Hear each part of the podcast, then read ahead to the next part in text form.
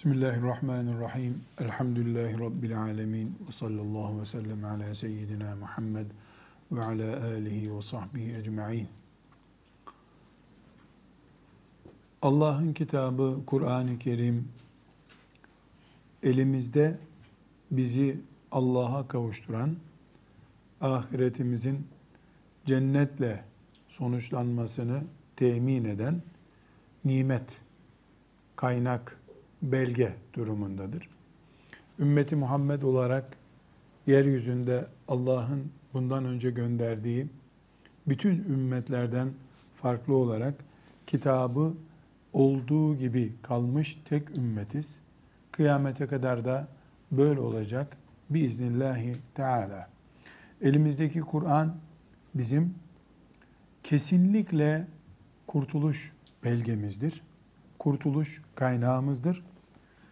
Bu aynı zamanda şu demektir. Kur'an ne kadar bizim nimetimiz, kurtuluşumuz ise o kadar da helakimiz ve bela kaynağımız demektir. Neden?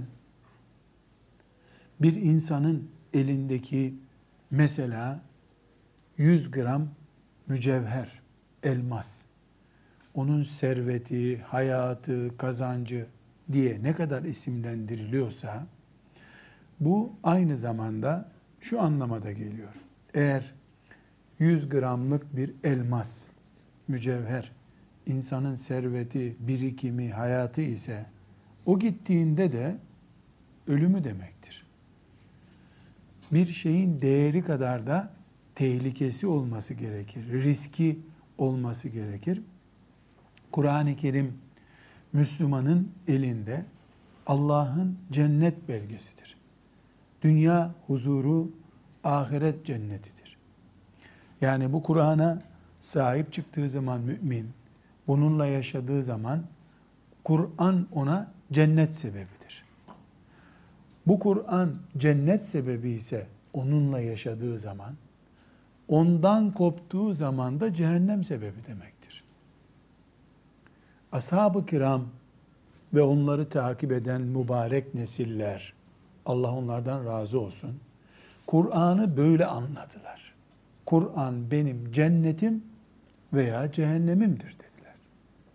Sonraki bedavacı nesiller ise gitgide Kur'an'dan kopuk yaşamaya başlayan ama Müslüman olduğunu da iddia eden nesiller ise Kur'an bizim cennetimizdir sözünü çok iyi aldılar. Oraya nokta koydular ama. Bu Kur'an sadece cennete sevk ediyor oldu. Peki cennet kadar kıymetli olan bir şey elden gidince ne olur diye sormak istemediler. Halbuki ilk nesiller, mübarek nesiller bu kitap Allah'ın bana cennet için gönderdiği bir kitaptır dediler cennet olan kitabı kaybedersem karşımda cehennem kalacak demektir. Tıpkı benim servetim şu kasadaki paradır diyen birisi ne demek istiyor? Bu gidince fakir oldum demek istiyor. Mesela en basit misal ne deniyor? Filanca şahıs hastaneye yatırıldı, yoğun bakıma kondu, makineye bağlandı deniyor yoğun bakım cihazında yaşıyor deniyor. Yoğun bakım cihazında yaşıyor ne demek? Fişi çektiğin zaman yoğun bakım cihazı çalışmadığı zaman ölecek demek. Hadi bu negatif örnek. Pozitif örnek bakalım. Çocuk doğuyor, anne sütüne mahkum deniyor. Anne sütünü kestiğin zaman yaşamayacak demek. Pozitif veya negatif hangi örneğiyle alırsak alalım. Kur'an Müslümanın cennet kitabıdır demek. Kaldırdığın zaman Kur'an'ı Müslüman cehennemle yüzleşecek demektir. Onun için biz Kur'an'ımıza bakarken bu kitap bizi cennete de götürecek, cehenneme de götürebilir diye bakıyoruz. Ashab-ı kiram böyle baktılar. Sonraki nesiller böyle baktılar. Bu yüzden de Kur'an-ı Kerim'e sarılışları, Kur'an'a bağlanışları can damarına sarılmak gibi oldu. Kur'an-ı Kerim'i hani örnek olsun diyelim şöyle tutmadılar. Böyle tuttular. Bağırlarına bastılar Kur'an-ı Kerim'i. Onun için bir sahabi çocuğu yaz aylarında Kur'an öğrenmeye gitmedi. Daha sonra örneklerinde göreceğiz inşallah. Onlar anne sütü gibi gördüler. Yoğun bakımda bağlı kaldıkları cihaz gibi gördüler. Kur'an-ı Kerim'i Kur'anlı bir nesil olarak yetiştiler. Bugünkü zamanımızda maalesef karşımıza Kur'an-ı Kerim'den gitgide bir yönüyle soğuk kalma, kopuk kalma ve Kur'an-ı Kerim'in sadece cennete götürdüğü zaman ilgilenilen bir kitap olma hastalığı peyda olmuştur. Bu son zamanlarda da yani bu bugünkü 10 senelik 50 senelik hastalık değil. Ashab-ı kiramdan itibaren gitgide bu hastalık artarak ya da açısı büyüyerek devam eden bir hastalık oldu. Ee, ama ashab-ı kiramda zirvedeydi Kur'an'a alaka. Daha sonra biraz azaldı. Bugün ise görüyoruz ki Kur'an-ı Kerim elimizde e, zamanımızın bir bölümünü ayırabildiğimiz bir kitap olarak duruyor. Kur'an-ı Kerim elimizde cennet vaat eden bir kitap olarak bulunuyor. Ama bu cennet giderse cennetin yerini ne alacak sorusuna cevap vermek istemiyoruz. Sanki bir cennet var, karşılığında cehennem var. Bir de arada taksitlendirilmiş bir ödeme şekli var gibi bir anlayış ortaya çıkıyor. Hayır. Cennet veya cehennem. Üçüncüsü yok bunun. Kur'an cennetimizi kazandırıyor mu bize? Kazandırıyor. Kazandırmazsa eğer cehennem mi olacak? Evet bu şekilde bir anlayışla Kur'an'a sahip çıkmıştı ashab-ı kiram. Biz sahabe mantığını ondan sonraki e, ümmetin büyüklerine ait mantığı yeniden canlandıracak olursak Kur'an'a cennetimizdir. Cennetimiz olmazsa maazallah cehennemimiz olabilir diye bakmak zorundayız. Değeri kadar risk taşıması doğaldır. Hiç riski yoksa hiç değeri yok demektir. Hiç değer taşımıyorsa hiç riski yok demektir. Cennetin muadili cehennemdir. Kulun önünde kıyamet günü cennet veya cehennem var. Cennette imanın sonucudur. Cehennem de imanın olmayışının sonucudur. Kur'an imanlı bir hayat olarak cenneti sağlıyorsa sağlayamadığı zaman cenneti bir insanda Kur'an'ın o gücü var. Ama A, B, C insanlarından birinde uymuyordur bu. Kur'an'a imanı açısından vesaire. O zaman cennete götüremeyeceğini cehenneme götürecek demektir. Bunları niye telaffuz ediyoruz? Kur'an'a nasıl bakmamız gerektiğini, Kur'an'ın bizim için ne anlam ifade etmesi gerektiğini hatırlamamız açısından söylüyoruz. Burada gençler e, çok önemli iki hadisi şerif e, zikretmemiz gerekiyor. Bu bahsettiğimiz şey bizim burada işte yaptığımız bir takım sosyolojik ya da din araştırmaları sonucunda toplumumuzda ortaya çıkan bir süreç değil bu. Hani Kur'an-ı Kerim'in bir boyutunun alınıp öbür boyutunun yok sayılması.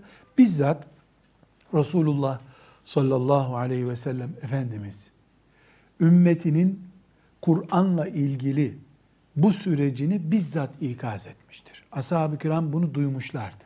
Bize de aktardılar. Çünkü neden?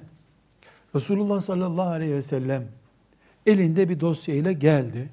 İşte ümmeti Muhammed dosyası kuruldu. Tamam artık bundan sonra dünya böyle. Ümmeti Muhammed var. Ümmeti Muhammed hep standart böyle devam edecek. Kafirler, Ebu Cehil'in çocukları da standart öyle devam edecek diye vaadi olmadı. Tıpkı dünyada işte mesela Resulullah sallallahu aleyhi ve sellem Efendimizin veda hutbesi okuduğu zamanı seneyi düşünelim. Dünyada 100 kafir, 50 de Müslüman vardı diyelim. Resulullah sallallahu aleyhi ve sellem Efendimizin tamam bundan sonra dosyalar kapatıldı. 100 Müslüman 50 kafir veya 50 Müslüman 100 kafir işte bu iş böyle bundan sonra vaat etmedi ki. Sürekli küfür tarafından İslam'a geçecek insan beklentisi oldu. Yani burada 100 tane kafir kaldı bu dünyada ama gidin aman tebliğ edin, aman bir kişi kurtarın dedi. Yani bu neyi gösteriyor? Kafir tarafından bir İslam tarafına kayış olacak. Olması için uğraşılacak. Bunun için cihat yapılacak. Bunun için ashab-ı kiram karış karış dünyayı dolaştılar. Ama İslam tarafından bir kopuş olmayacak. Bir kere İslam'a giren yapıştı kaldı öyle. Böyle bir vaadi olmadı ki. Buna mücadele denmez zaten. Şeytan veda hutbesinde on binlerce insana veda hutbesini okuduğu zaman Efendimiz sallallahu aleyhi ve sellem büyük bir zayiata uğradı. Puta tapan, çocuklarını diri diri gömen bir nesil melekleştiler. Şeytan büyük bir müşteri kaybına uğradı. Borsası düştü şeytanın o zaman. Şeytan ne diyor Efendimiz sallallahu aleyhi ve sellem? Sizin tekrar şu şekilde şeytana tapınmanız, bir daha putçuluk yapmanız değil ama filan filan şekilde kaymanızdan korkuyorum. Dikkat edin size Allah'ın kitabını bıraktım, sünnetimi bıraktım ha diye ikaz ediyor. Demek ki veda hutbesinde yani şeytan büyük bir kayıba uğradı ama Kur'an'ın bir emanet olarak Müslümanların elinde zarar edip görebileceğini, Müslümanların Kur'an'dan bir kopuş gibi süreç yaşayabileceklerini de ikaz etti bu arada. Bu nedenle İslam kapandı kapıları, bir daha giriş yok, çıkış yok şeklinde bir veda yapıp gitmedi Efendimiz sallallahu aleyhi ve sellem. O bir taraftan, küfür tarafından kitleler olarak gelmeye de devam edilebilecek. İslam'ın içinde de indiler çıktılar, tansiyon gibi azalma çoğalmalar olacak diye ikaz etti. Yani İslam kıyamete kadar bir daha kimsenin geri gidemeyeceği bir din değildir. Kitlelerin girip kitlelerin çıkabileceği bir dindir. Evet isteniyor, Allah murad edip istiyor, peygamberi gayret etti, ashab uğraştılar ki herkes Müslüman olsun. Herkesin Müslüman olma diye bir kaderi yok Allah'ın. İslam'a giren çıkmayacak diye de bir kaderi yok. Herkes imanını koruyacak. En büyük iman işaretlerinden biri olarak da Kur'an-ı Kerim. Kur'an-ı Kerim'i herkes koruyacak. Kur'an'la bağını herkes canlı tutacak. Bir kere doğdu nasıl olsa diye ölümsüzlük var mı insan için? Nasıl olsa A çocuk doğdu, B kız doğdu. E doğduktan sonra kıyamete kadar yaşayacak. Böyle bir garanti var mı? Herkes hayatta kalabilmek için mücadele etmesi gerekiyor. Kur'an benim kitabım dedin güzel. Öyle dedin diye hep kalacak hali yok ki şeytan seninle uğraşacak. Kur'an'ı koparmaya çalışacak. Kur'an'dan uzaklaş diyecek. Buna aldanan olacak, aldanmayan olacak. Bu mücadele Adem Aleyhisselam'ın dünyaya gelmesiyle başladı. Son Adem'in çocuğu dünyadan gidinceye kadar devam edecek. Mücadelenin varlığı bunun için zaten. İşte şimdi e, Beyhaki'nin Şuabul İmanından e, Ebu Sa'id el-Hudri radıyallahu anh'ın e, Resulullah sallallahu aleyhi ve sellem'den rivayet ettiği bir hadisi dinleyelim. Şimdi bakınız Kur'an-ı Kerim'in şu andaki durumunu belki bu asırdan sonra gelecek asırlarda daha berbat bir durumunu veyahut da daha iyi düzelme durumunu olabilir diyoruz. Bunu Resulullah sallallahu aleyhi ve sellem ashabına söyledi. Gizli bir sır değil bu. Çok büyük zaferler bekleniyordu da işte hesaplar tutmadı diye bir şey yok ki. Resulullah sallallahu aleyhi ve sellem tam aksine bu iniş çıkışları, nabızların düşeceğini, kalkacağını haber verdi. En iyi nesil benim neslimdir dedi. Yani ashab nesli. Ondan sonrakiler ondan sonra. Bir de ondan sonrakiler buyurdu. Sonra ne dedi ama? Sonra sökün sökün edecek dedi. Sonra emanet bile kalkacak dedi. Yani Müslümanlar arasında bile güven sorunu olacak. Birbirine güvenmeyecek insanlar. Yani gizli saklı bir olayla karşılaşmadık biz. Hazırlıksız yakalananlar çok kötü bir kış şartına yakalandılar, grip oldular. Hazırlıklı olanlar ise e, soğuğa karşı tedbirli oldukları için hastalanmadan kışı geçirebildiler. Bu sebeple Resulullah sallallahu aleyhi ve sellemin bu tip haberleri çok büyük önem taşıyor. Safımızı belirlemek, kışa hazırlıklı yakalanmak için. Çünkü Allah Ebu Cehilleri putla imtihan ettiği gibi Müslümanların içinde Müslüman olan insanları da Kur'an'a sadakatla imtihan edecek. Nasıl imtihan olacak insanlar? Bir kere babası doğar doğmaz kulağına ezan okudu diye herkes otomatik cennete mi gidecek? Elbette imtihan olacak. Resulullah sallallahu aleyhi ve sellem Efendimiz bunlara haber verdi. Yüzlerce hadis-i şerif var. Ümmetinin geleceğindeki sıkıntılardan haber veriyor sallallahu aleyhi ve sellem. Mesela ne diyor? Müslümanlar olarak ilk defa siyaseti kaybedeceksiniz diyor. Siyaset kaybolacak. En son namaz kalacak diyor. İslam adına siyaset İslam'ın dışında bir şey görülecek. Ondan sonra zekat zarar görecek. Ondan sonra işte artık neler görecekse bu ilk ve son isimleri veriyor. Önce siyaset kaybolacak diyor. Ondan sonra en son namaz kalacak. Namazda kayboldu mu din diye bir şey kalmayacak zaten. Ondan sonra kıyamet başlamış olacak zaten. Bu sebeple şu andaki Kur'an'la ilgili gelişmeyi Müslümanlar olarak biz ciddi bir şekilde ele almamız lazım. Düzeltiriz bunu. Herkesi Kur'an hafızı yaparız diye değil. Ben neredeyim? Ben ne olacağım? Kıyamet günü Rabbimin emaneti olan Kur'an'la ilişkim nedir? Bunu tespit etmek için. Ebu Said el-Hudri radıyallahu anh diyor ki, ashab-ı kiramdan tabi Ebu Said, Resulullah sallallahu aleyhi ve sellem Efendimiz buyurdular ki, şöyle dinledim ben, Kur'an'ı öğrenin ha. Onunla cenneti kazanın. Kur'an'ı öğrenin, onunla cenneti kazanın. Öyle bir nesil gelecek ki Kur'an'ı sadece dünyayı kazanmak için öğrenecekler. Saflarda bir karışıklık olacak demek ki. Bir Kur'an öğrenen nesil gelecek ama işte onunla filan işini halletmek için. Diplomadır, paradır, şöhrettir, neyse artık. Dünyalık bir şey için Kur'an öğrenen nesil gelmeden önce Kur'an'ı öğrenin, onunla cennetinizi kazanın. Diyor Resulullah sallallahu aleyhi ve sellem. Sonra buyuruyor ki, Fe innel Kur'ane yeteallemuhu selasetün. Kur'an öğrenenler üç sınıf insandırlar buyuruyor. Yani Kur'an okumuşlar, Kur'an öğrenmişler üç kategoridir. Birincisi Kur'an'ı övünç vesilesi yapmak için, toplumda sıyrılmak için Kur'an öğrenenler olacak. İkincisi de Kur'an üzerinden geçinmek için Kur'an öğrenenler olacak. Üçüncüsü de Kur'an'la Allah'a kavuşmak isteyenler Kur'an öğrenecekler. Demek ki kuru bir şöhret için öğrenenler olacak. Kur'an'dan geçinmek için öğrenenler olacak ve Kur'an'ı Allah'a kavuşmak için öğrenenler olacak. Ashab-ı kirama neyi tavsiye ediyor? Kur'an'la geçinmek için Kur'an öğrenenler gelmeden önce yani bir kalitesizlik sorunu yaşanmadan önce aman Kur'an'ı öğrenin, safınız belli olsun buyuruyor. Buradan anlıyoruz ki Resulullah sallallahu aleyhi ve sellem Kur'an üzerinden okuyarak, tefsirini yazarak, e, konferansını vererek vesaire Kur'an'dan çoluk çocuğunu geçindirip şöhret kazanan bir nesil olacak demek ki. Bunu haber veriyor.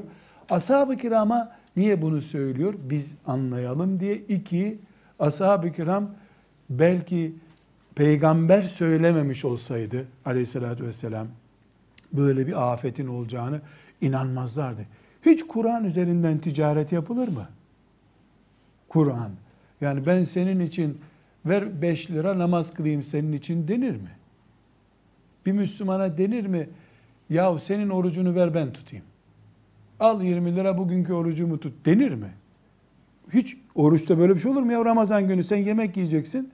Başkası senin adına oruç tutacak.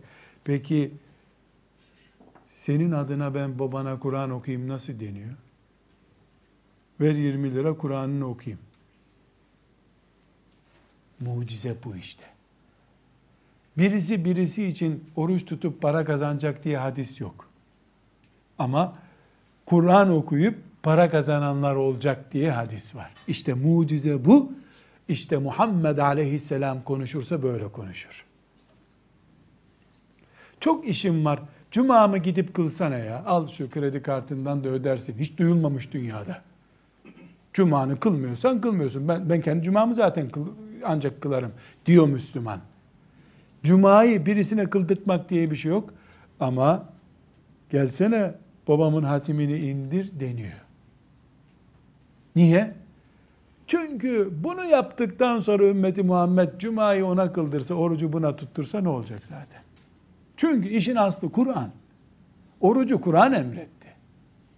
Haccı Kur'an emretti. Namazı Kur'an emretti. Onları emreden ana kaynak bu şekilde bulandırıldıktan sonra e, Kur'an-ı Kerim'in ticarete döküldüğü bir dünyada, Kur'an'ın parayla okunduğu bir dünyada parayla ve güzel sesle müzik notaları eşliğinde daha iyi müzik bilenin, daha iyi şan şun dersleri alanların daha iyi okuduğu bir dünyada namaz parayla kılınsa ne olur, Kızılay adına kılınsa ne olur dedirtilir. İşte Muhammed aleyhisselam konuştuğumu böyle konuşur. Sallallahu aleyhi ve sellem. Yine Sehl ibn Sa'd es-Sa'idi isimli sahabi radıyallahu anh bu e, sahabi de bir hatırasını anlatıyor. Bunu da Ebu Davud'da 831. hadisi şerif olarak naklediyoruz. Başka kaynaklarda da var da e, birinci derecedeki kaynakları özellikle zikrediyorum. Yani Ebu Davud'da olması e, Ahmet bin Hanbel'de olmasını gerektirmiyor daha diye ama Ahmet bin Hanbel'de de vardır ayrı bir mesele. Birinci dereceden kaynaklarını en yakın, en güçlü kaynaklarını zikrediyorum. Diyor ki e, Sehl ibn Sa'd Es-Sa'idi radıyallahu anh Allah ondan razı olsun böyle tatlı bir hatırayı bize nakletmiş. Diyor ki bir gün biz mescitte Kur'an-ı Kerim okuyorduk aramızda. O bildiği ayeti okuyor. Sen de böyle okunur, şöyle okunur diye bir bir hani Kur'an dersi yapıyorlarmış. O arada Resulullah e, sallallahu aleyhi ve sellem Efendimiz çıka geldi diyor. Bir de baktı ki biz Kur'an okuyoruz. Çok memnun oldu. Elhamdülillah, elhamdülillah dedi diyor. Kitabullahi vahidun. Ne kadar güzel tek bir Kur'an okuyorsunuz. Ne güzel diye Allah'a hamd etmiş. Nerede? Ashabını görmüş ki toplanmışlar Kur'an okuyorlar. Çok mutlu olmuş bundan. Buyurmuş ki yahu ne güzel içinizde kırmızısı, siyahı, beyazı bir sürü insan var. Tek Kur'an okuyorsunuz. Ne kadar güzel buyurmuş. Mutlu olmuş. Peygamberlerini Kur'an'a sarılarak mutlu etmişler. Allah onlardan razı olsun. Diyor şimdi sahabi sonra buyurmuş ki yani geldi baktı ki ashab Kur'an okuyorlar. Yahu ne güzel kırmızısı, beyazı, siyah derilisi hepiniz oturmuşsunuz. Şu Kur'an'ı okuyorsunuz. Elhamdülillah buyurmuş sallallahu aleyhi ve sellem. Sonra da Sehl ibn Sa'd es-Sa'idi radıyallahu anh'ın da içinde bulunduğu gruba dönüp buyurmuş ki İkra'u okumaya devam edin. Okuyun. Kable en yakra'a akvamun öyle bir kavim gelecek ki, öyle insanlar gelecek ki onlar yukimunehu kema yukavvamus sehmu. Şöyle bir okun, ok var ya böyle uzun bir çubuk. Onu şöyle hani büküyorsun ya çünkü o esnek oluyor böyle çubuğu büküyorsun. Bir oku şu şekilde büktüğün gibi Kur'an'ı okuyacak insanlar gelecek. Yani ne demek? Kur'an'ın bir tecvidi var, talimi var, bir ses düzeneği var, ağız fonetiği var Kur'an-ı Kerim'in. Onu gelecek bir nesil oku yayı böyle bir çubuğu oynar gibi. Onun da yani mesela işte ben örnek vereyim. Şunu nasıl bu şekilde istediğim gibi şekillendiriyorum. Bu şekilde Kur'an-ı Kerim okuyacaklar. Ayn ise ayn, tecvid ise tecvid, ihfa ise ihfa, ha, ha ise ha, ha ise ha. Yani güzel Kur'an okuyacaklar. Ne kadar zaten beklenti bu. Güzel Kur'an okunması istenecek. Böyle bir nesil gelecek. Kur'an okuyacaklar. Ama yuteaccelu ecruhu ve la yuteeccelu. Onların karşılığı dünyada verilecek. O okuduklarını ahirete götüremeyecekler. Bir önceki sahabi ne nakletmişti? dünyalık kazanmak için okuyan nesil gelecek demişti. Bunların ana gayesi Allah'ın kitabını okuyorlar. Ama dünyalık için adına diploma de, adına harçlık de, adına şöhret de, adına force de, ne dersen de, aferin desinler de. Allah'ın kitabı cennet veya cehennem faturalı bir kitap olduğu halde ondan harçlık çıkarmak, ondan geçim sağlamak için Kur'an okuyacaklar. Yüteaccelu ecruhu. O neslin ücreti hemen verilecek. Çünkü insan ya Rabbinin cenneti için Kur'an okur ya da cebine 5-10 kuruş girsin diye. 5-10 kuruş için okuyanlara 5-10 kuruşu verilecek. Ama burada çok önemli bir mucize var. Çok önemli bir mucize var. Bu da ne biliyor musunuz? Efendimiz sallallahu aleyhi ve sellem şöyle buyurmuyor mesela. Yahu adamlar gelecekler. Doğru dürüst ayin bilmiyorlar, gayim bilmiyorlar. Kur'an okuyoruz zannediyorlar. Okuyabildikleri de yok aslında. Buna rağmen para kazanacaklar Kur'an'dan buyurmuyor ama. Bir ok yayıyla oynandığı gibi Kur'an'la oynayabilecekler. Harika hafız ya. Gelse Ebu Musa el-Eşari okuyamaz böyle zannedersin. Okuyor müthiş. Dinlerken gözün yaşarıyor. Salonlar inliyor. Mikrofonu ağzının içine sokarak okuyor. Ama dünyada karşılığını almak için. Böyle bir kavim gelecek. Bu kavim gelmeden önce siz Kur'an'a doyun buyurmuş.